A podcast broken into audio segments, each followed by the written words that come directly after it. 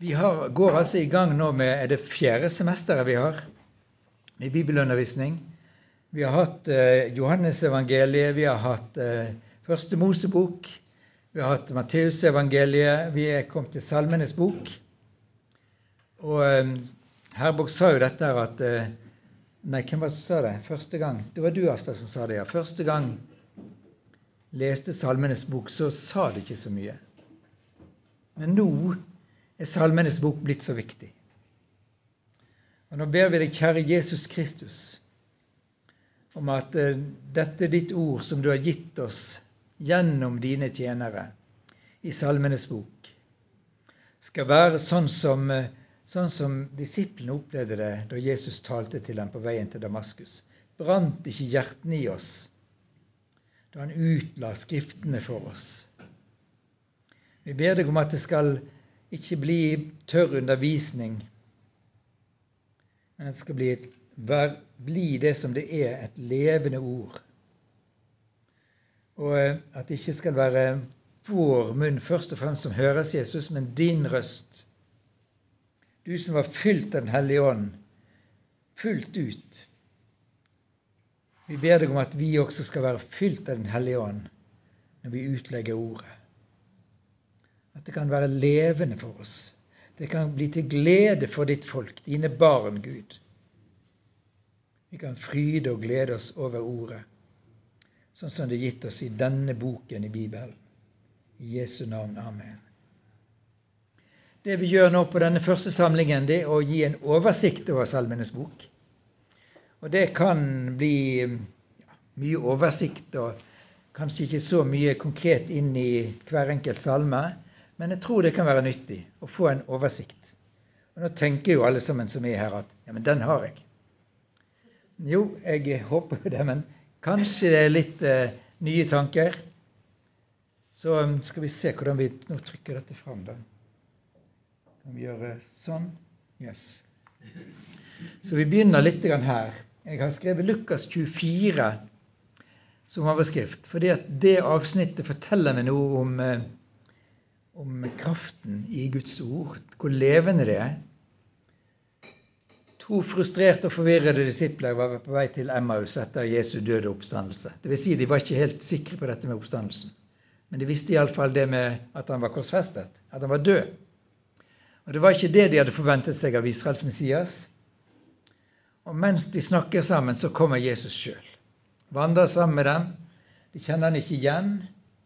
Men han begynner å forklare for dem, så sier han at måtte ikke, måtte ikke alt det som profeten har sagt om Messias, oppfylles på denne måten? Måtte ikke Messias først lide, og så gå inn til sin herlighet? Og Han begynte å utlegge for dem alt som står skrevet i Skriftene. Hva det betyr alt som står fra Første Mosebok. Det har vi snakket om. Første Mosebok fra, Iallfall fra det tredje kapittelet, kanskje før. Og i alle profetene. Skriftene som inkluderer Salmenes bok.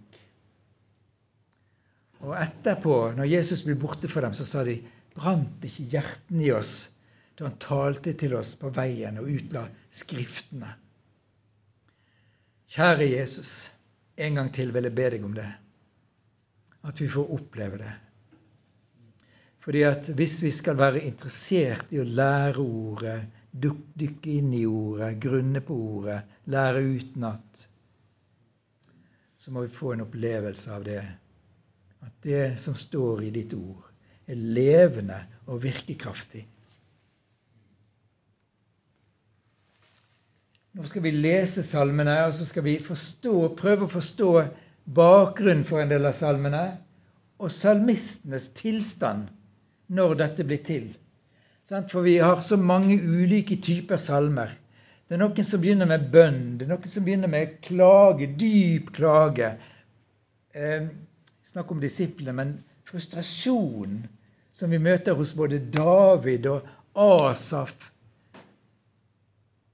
De holder på å gå bort ifra Gud. Asaf vitner om det, hvordan han holder på å gå bort ifra Gud. Og det er vel noen som kan kjenne seg igjen i det. Eller det er en tilstand av glede over Guds seier. Og det blir mye lovprisning. Og så er det de som har satt seg ned og skrevet læresalmer. Det er ikke noe tørre greier, altså. Når uh, denne her uh, rektoren ved et katolsk presteutdanning møter uh, Luthers undervisning, så blir det liv av det. Så ser han nye ting i det. Men det var lære. Og Sånn er det med læresalmene i Bibelen, i Salmenes bok. Det er liv i dem også. Vi skal komme tilbake til det. Så skal vi synge salmene sånn som vi har begynt med. Vi skal be salmene, og vi må be om at vi får anvende salmenes budskap i våre liv.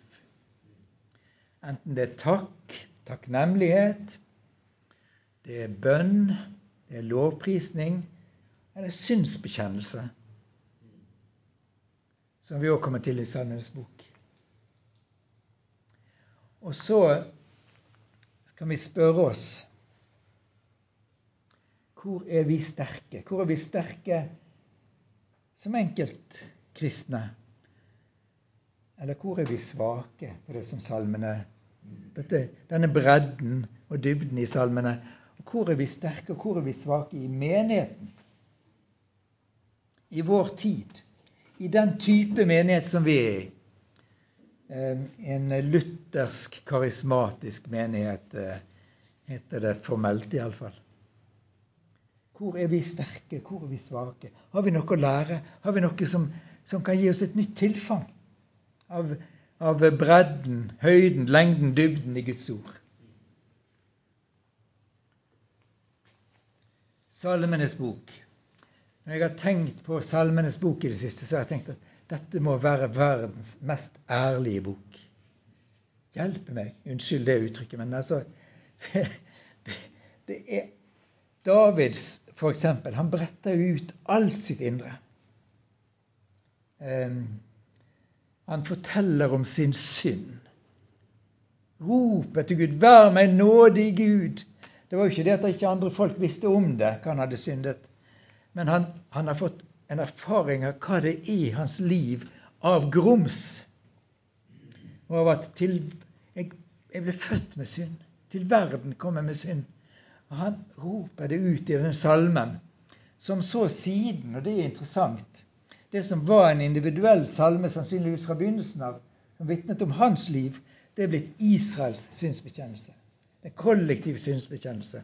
Så israelsfolket begynte å synge. Og det er sånn med disse sangene også. ikke sant? Det kan være sprunget ut av en personlig opplevelse. Vi har mange sånne sanger som vi driver og synger, som er begynt som en personlig erfaring, og så er det blitt en sang og en salme for hele menigheten, hele kirken. Så det, det er ganske sterkt. Verdens mest ærlige bok. Det er, ikke, det er ikke mye i livet som ikke kommer fram i Salmenes bok. Ja, det kan kanskje være noe sånn litt personlig som vi opplever, men ellers er det en sånn bredde. Og den bredden har med seg en dybde og en høyde. For Gud er i det. Det er Gud salmene er rettet til, enten det, enten det er bønn eller klage eller lovprisning. Så er det Gud i det. Det er Herren Sebaot. Det er Herren den hellige. Gud er ikke noe fjern Gud, men en opphøyet og hellig Gud. Så det, det, det er noe fantastisk i salmene. Og, og, jeg opplever jo når jeg leser både denne delen av, av ordet og andre, at Guds ord er levende og kraftig. Og hadde ikke behøvd å skrive opp hvor det står. Iallfall ikke for Herborg, men, men eh, jeg har nå tatt med en del av dette. Og Jesus sier at det ordet jeg har talt til dere, ånd og liv. Så jeg tror jo det at når vi leser ordet, og når vi hører ordet forkynt, så skaper det det det nevner i oss. Når noen sier at 'å, det er tørt og tungt, jeg forstår ikke alt', så bare vent. Det du hører og det du leser, det kommer til likevel til å skape noe. Eh, jeg har lest Bibelen mange ganger, ikke sant? og så ikke alltid at alt har talt så veldig sterkt til meg. Så plutselig så er det en dag, en situasjon, så dukker det opp et bibelord. En tanke, en tekst fra Bibelen. En personlig beretning fra Bibelen, og så får den liv. Det er ordet som Jesus har talt, og det som står i Guds ord. Det er ånd og liv. Det skaper det. Og så har vi vært inne på Lukas 24. I Salme 119 så står det òg noe fantastisk, og det er dette om ditt ord. En lykt for min fot og et lys på min sti. Det er kjempeviktig at jeg har det ordet. Når vi har en forvirring i Kirken, i menigheter og i enkeltkristnes liv, i biskoper og prester, så står det noe i ordet om sannheten. Og Jeg husker en eh, prestekollega oppe i Harstad. Jeg var, jeg var, på reise, og så kom jeg innom, innom han i Harstad. Og så sa han det at 'jeg misunner dere konservative prester'. For dere leser Bibelen sånn som den står. Tror det som det står, og forkynner det som det står. Når jeg skal lese en bibeltekst i kirken, som jeg tenker meg om kan jeg ta med dette? Kan jeg ta med det? Og kan jeg finne en slik slags eh, moderne, dagligdags forklaring på ting? En parallell? Ordet hadde ikke den kraften og troen som vi finner der. Ditt ord, Gud, lykt og lys. Når jeg skal undervise nå underviser jeg jo mest kanskje om forfulgte kristne, men, men da jeg var student, særlig, så var det jo maktpåliggende òg å snakke om ekteskap og seksualliv og sånne ting. Hvor i all verden skulle jeg hente eh, lærdommen fra hvis jeg ikke gjorde det fra Guds ord? Og enda mer ble det kanskje da jeg begynte i sanselig menighet, og vi fikk inn ganske mange som livet hadde gått i stykker for. Ekteskapet hadde gått i stykker for. Og det eh, var mye, mye rot hos mange. Hvordan skulle veilede? Jeg hadde Bibelen, jeg, altså. Jeg var ikke opplest på alt mulig annet av psykologi og, og sånne ting, men jeg hadde Bibelen. Jeg tror på Bibelens fantastiske veiledning og undervisning. Jeg tror det er den beste psykologibok også. så står det i Salme 1 om å grunne på Guds eller Herrens lov. Det ordet som er brukt på hebraisk der, det er Torah. Torahen. Som da primært må peke tilbake på de fem Mosebøkene. Og det var jo de som lå der for Israel på den tiden. Det var det første, og det var det grunnleggende i Israels tro. Og det er det for jødene i dag også. Det er Toraen som er det grunnleggende. Alt det andre i Skriftene og profetene det er bare utleggelse av Toraen. Og det kom jo mye seinere. Men Toraen var der. Det som var gitt gjennom Moses, det som hørte til Israels historie, Guds ledelse av, av Israels folk. Eller helt fra skapelsen, da Gud lagde kosmos av det som var kaos. Ikke bare kosmos i naturen og i verden og med stjerner på himmelen og alt dette her men kosmos i livet. Orden i livet. Det ligger i Toraen, de fem Mosebøkene. Og det er ganske sikkert, tror jeg da, ja, jeg mener det er ganske sikkert, at det er det salmisten peker tilbake på. Grunnen på det som står skrevet der. Det er ikke, det er ikke loven i en luthersk forstand, lov og evangelium. At eh, Salig er den som grunner på loven sånn, men det er på hele denne læren som ligger i Torah. Grunne på Herrens Torah. Og der står det nettopp dette i teksten at det skaper frukt i rett tid. Det skaper frukt i rett tid. Skaper frukt når vi får tak i det som står der, når vi leser det og, og tar det inn, grunner på det, eller Du nevnte noe engelsk oversett 'meditate'. Hvorfor skal ikke vi kunne bruke det ordet? Å meditere over Sant? Du går ute på tur. Eller du sitter i godstolen hjemme. Eller du ligger i senga før du og ikke får sove. Men hvis du mediterer over Guds ord, så, så sovner du med sånn fred. Nei, du sovner ikke med en gang. Nei, Nei men du jeg, eh, jeg, eh, jeg, har den opplevelsen mange ganger. Jeg kan sitte og be, tenke på Guds ord. Skape en sånn fred. Yes. Det er den første frukten, kanskje. Jeg gjemmer ditt ord i mitt hjerte, så jeg ikke skal synde mot deg, står det i Salme 119 bl.a. Og der står jo så mye fantastisk ellers. Og hjemme hvis vi sånn, liksom tar sikte på å lese gjennom Salme 119 høyt, ta alle versene, så har jeg glemt det første verset før vi kom til vers 10. Å meditere grunne på det betyr å ta ett og ett utsagn. Og Salme 110 er faktisk bygd opp sånn, som en sånn alfabetisk salme til å lære. Det er en katekisme i ordets beste forstand en katekisme til å lære av. Yes, litt innledning. Det er oversikten over det som vi skal gjøre nå dette semesteret her. Når begynte jeg nå? Ca. ti over. Ok, men da skal vi komme et stykke iallfall. Nå har vi i dag salme, salme 1 og introduksjon til hele samlingen av salmer. Neste gang i februar og så blir det sånn Nå har jeg spurt noen om de kan komme og være med og undervise. Så har ikke jeg så mange svar. Jeg har Ragnar. Så Ragnar kommer den tredje gangen. Men neste gang har jeg satt opp tillitssalmer og bønn og læresalmer. Noen tenker jo at Salmenes bok før en har lest det grundig, da, er bare lovprisning og lovsang og helt der oppe. Men det er så mye annet i denne salmen. Tillitssalmer og bønn, læresalmer. Og så kommer lovsang og tilbedelse, kongesalmer, lovsang og tillit. Det er i mars.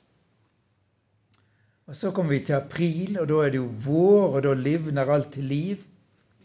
Da tar vi klagesangene. Synsbekjennelse. Det er iallfall tre salmer i Salmenes bok som er rene synsbekjennelsessalmer.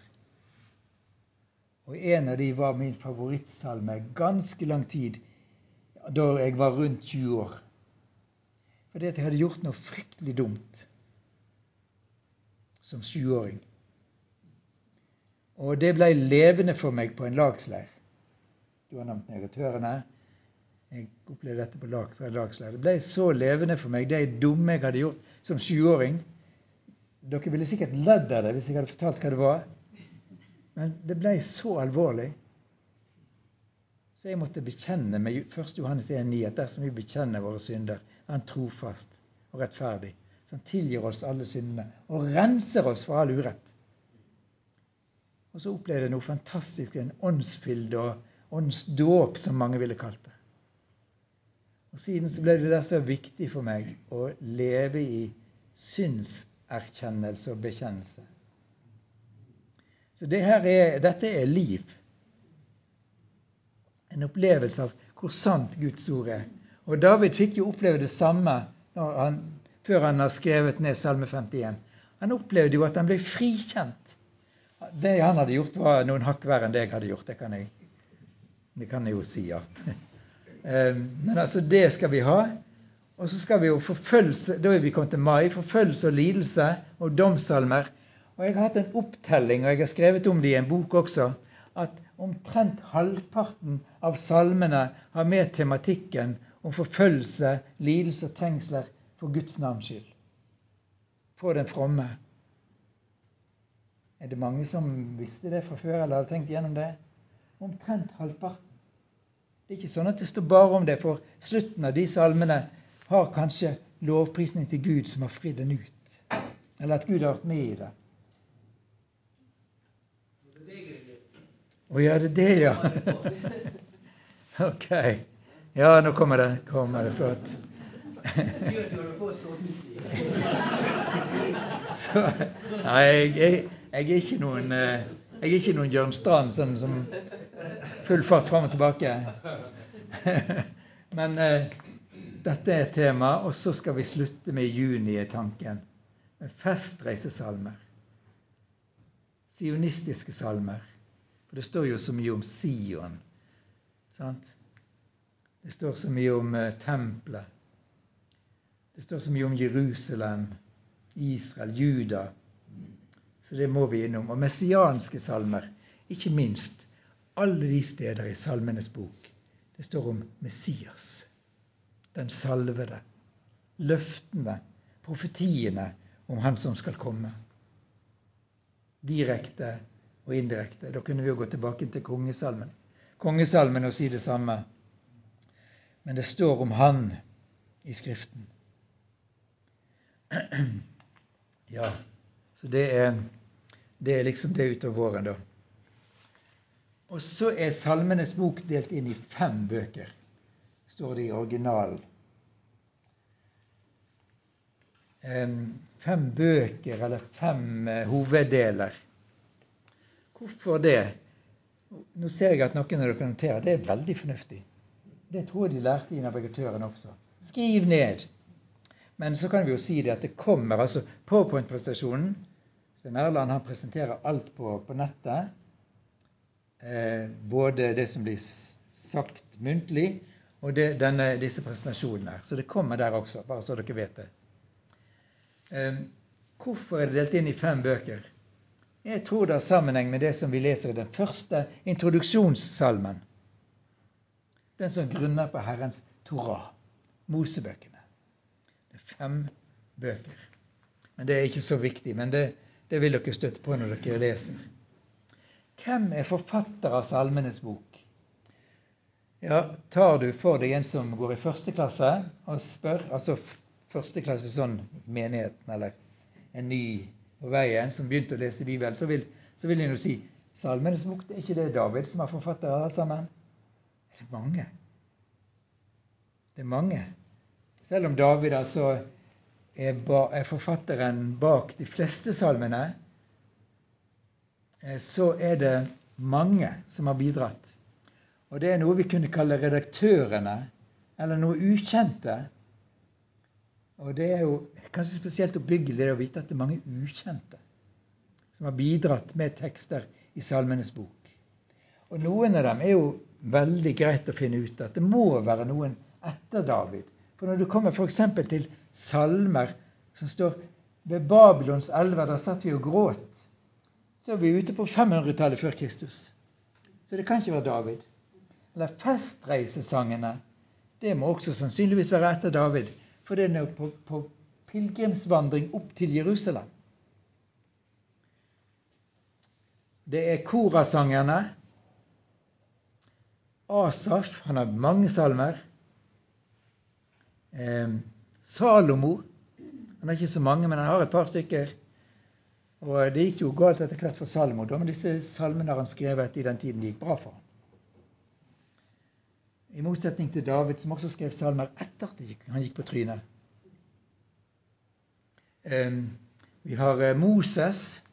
Han har også bidratt. Vi har sabbatsalmer. Vi har salmer av mange ukjente, som jeg sa.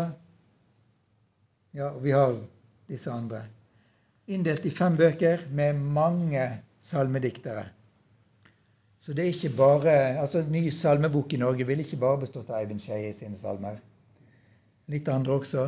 Så det er et tilfang med mennesker med ulik eh, erfaringsbakgrunn, ulike personligheter. Dessverre er det ingen kvinner som vi har navnet på i disse. da. Men, eh, men eh, kvinnene kjenner seg igjen i salmen òg, sant? Men vi kunne jo kanskje hatt noen av, av noen kvinner, da. Hadde vi fått det perspektivet. Her er litt tekst på engelsk, og det er kanskje ikke så lett å se. Men det var en tekst som jeg fant, og som jeg kjente dette er veldig bra. David, som var forfatteren av mange salmer. Men andre er altså skrevet av andre forfattere. Og noen forfattere vet vi ikke navnet på. Men alle skrevet under inspirasjon av Den hellige ånd. Og ingen del av Det gamle testamentet er oftere sitert eller referert til i det nye. Ingen del i Det gamle testamentet er oftere referert til. Hver salme enten peker direkte til Kristus, hans person, hans karakter, hans tjeneste, eller kan føre den troendes tanker til Kristus. Salmene er den troendes hjertespråk. Enten en sørger over synden, tørster etter Gud eller fryder seg i Han. Enten en er tynget ned en byrde av sorg, kjemper med fristelse eller triumferer i håpet og gleden over frelsen, forløsningen. Enten vi opphøyer eller beundrer guddommens fullkommenhet, takker Gud for Hans nåde, mediterer på Hans sannheter, eller tar del og gleder oss i tjenesten for Han. De former en guddommelig eh, tilmålt standard som vil øke eh, med, den, eh, med veksten i den, i den, kraften som ligger i tro, i hjertets tro. Ja, det var litt vanskelig på norsk, det der, men, men iallfall. Og ved salmistens uttrykk så hjelper det Ånden oss til å be, som det er blitt sagt her nå før. Vi kan bruke salmene som en bønnebok. Halleluja. Da ber vi rett hvis vi gjør det. Når vi gjør salmene til vår, eg, vår eiendom, noe som vi kjenner, hva vi enn har å be om framfor nådens trone, gjennom bekjennelse, bønn, takksigelse, så får vi vår hjelp fra salmene.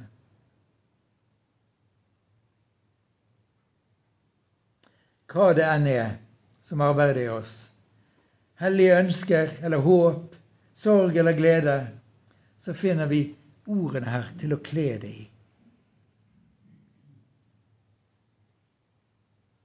Og dette er, dette er ord som vi kan få lov til å bruke. Det er ganske mange kraftige uttrykk i salmene. Men når salmisten har fått lov til å bruke det for Gud, får vi lov til å bruke det da? Det er jo ikke grenser, egentlig. Vi kan tenke dette er ikke, dette er ikke Jesu ånd av og til, det vi leser. Gud, ta deg av fiendene. Gjør sånn og sånn mot dem. Eller et ord jeg leste forleden dag av, av David i en salme, der han, der han ber om at Gud må ta seg av fiendene. Så sier han, la de omkomme som sneglen omkommer i sitt eget slim. Det er jo ikke akkurat uttrykk som vi ville brukt da, men, men hvis vi leser det og bruker det, så er det ikke fordømmelse i det. Når vi, altså vi kommer framfor Gud Vi vil jo at hjertene våre skal være rene framfor Gud. Men vi er så fortvilet. Selv om Jesus sier at vi skal velsigne den som forbanner oss, så kan vi få rope ut hjertespråket. Ærlighet. Derfor jeg sier at jeg tror salmen er mest ærlig i boken. I språket til denne guddommelige boken så har altså bønner og lovprisning i kirken blitt båret fram for tronen. Nådens trone i alle tidsaldre, i alle generasjoner. Det er sånn denne teksten her lyder omtrent.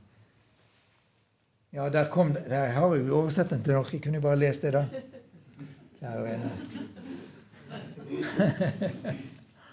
ja. Her har vi da bare en enkel oversikt over forfattere. Dere ser litt av det som er skrevet av såkalte Det er kalt, kalt redaktørene.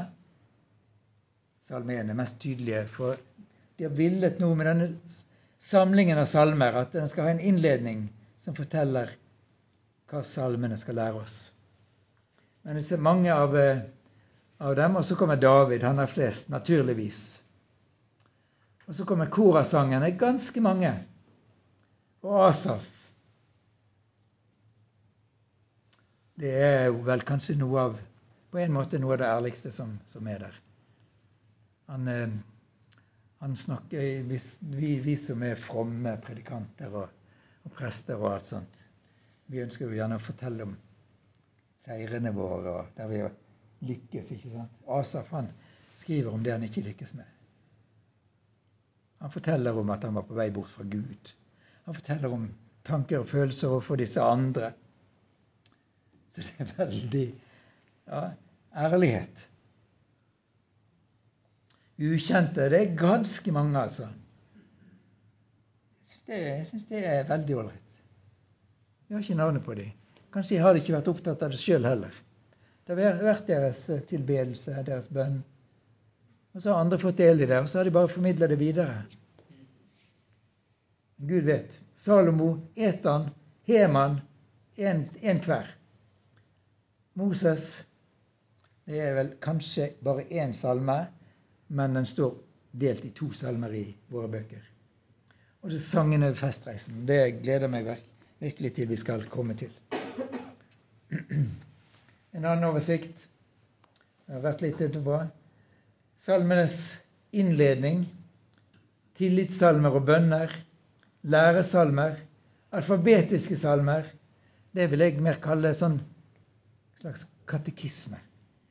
Og du vet når du har det alfabetisk A. Da kan du komme på en drøss med navn på personer. B. Da kommer du på masse personer. Og sånn er det hvis jeg, sånn som i dag òg, gikk forbi, eh, gikk forbi, et hus inne i Steinsviken i dag. Og så Der bor altså den og den og de to sønnene husket jeg navnet på. Og så var det datteren. Så begynte jeg på alfabetet. Der var det. Det går an å lære på den måten. Og sånn er disse alfabetiske salmene gjerne bygd opp. Historiske salmer, der en minnes Israels historie med Gud som historiens herre. Kongesalmer, ja. Tempelsanger, messianske salmer, profetier om Messias, lovsang og tilbedelse. Og der, har, der er det hele to linjer med den den type salmer som vi vil kalle rene tilbedelses- og lovprisningssalmer. Men det er jo ikke bare det i Salmenes bok. Lovsang og tillit òg. Klagesanger. Kanskje du er overrasker over hvor mange klagesanger det fins. Synsbekjennelse. Forfølgelse og lidelse. Se, se antallet som jeg har ført opp der. Kunne ført opp mange flere. Domssalmer. Ja vel. Hm. Feistreisesangene. Sabbaten en spesiell for sabbaten. Og Israel og Sion. Individuelle salmer og kollektive salmer. Det kan hver enkelt studere mer når den eh, powerpointen kommer. Og så er på slutten da er det 33 minutter, så må jeg slutte. Hvordan er salmeskatten fra Israel uttrykt i Det nye testamentet og i urkirken? I Nytestamentet finner vi ganske mange hymner. Jeg kan si at dere ikke har tenkt så mye gjennom det, og jeg kan ikke ta det nå. Men det finnes en god del hymner. Se om de gjenspeiler Salmenes bok, eller se disse, Der er noen som er spesielt kristologiske hymner. Filippøver 2, 6-11 f.eks. Det er om Kristus. Men den også peker tilbake på noe i Det gamle testamentet. Jesaja 45 urkirken ja, har, Jeg vet ikke om vi har så mange salmer fra urkirken eller oldkirken, men vi har iallfall folkefrelser til oss kom. Hvordan gjenspeiles det i den tradisjonelle kristne sangen gjennom tidene i salme- og sangbøker? Og Det er jo blitt utvikla salmer og sangbøker. En tradisjon i litt mer høykirkelig eller kirkelig sammenheng i kirken. sant? Salmeboken, der kaller han det det. Og på bedehuset har en sangboken. Og så har du Sions det heter Sions sanger og masse sånn forskjellig. Der en tar med nytt og gammelt, en bredde. Og så spør jeg til slutt hvordan gjenspeiles det i nyere karismatiske sanger? hvis det ikke gjenspeiles, hvorfor? Og der tror jeg dette er sånn du har arbeidet med, da. Og som kan, kan, kan komme til å berike oss. Det blir en litt annen tradisjon, litt annerledes enn det vi vanligvis hører her. Men jeg tror det kan være veldig, veldig berikende. Kjempe. Da tror jeg at jeg kom til ende på første time. Yes.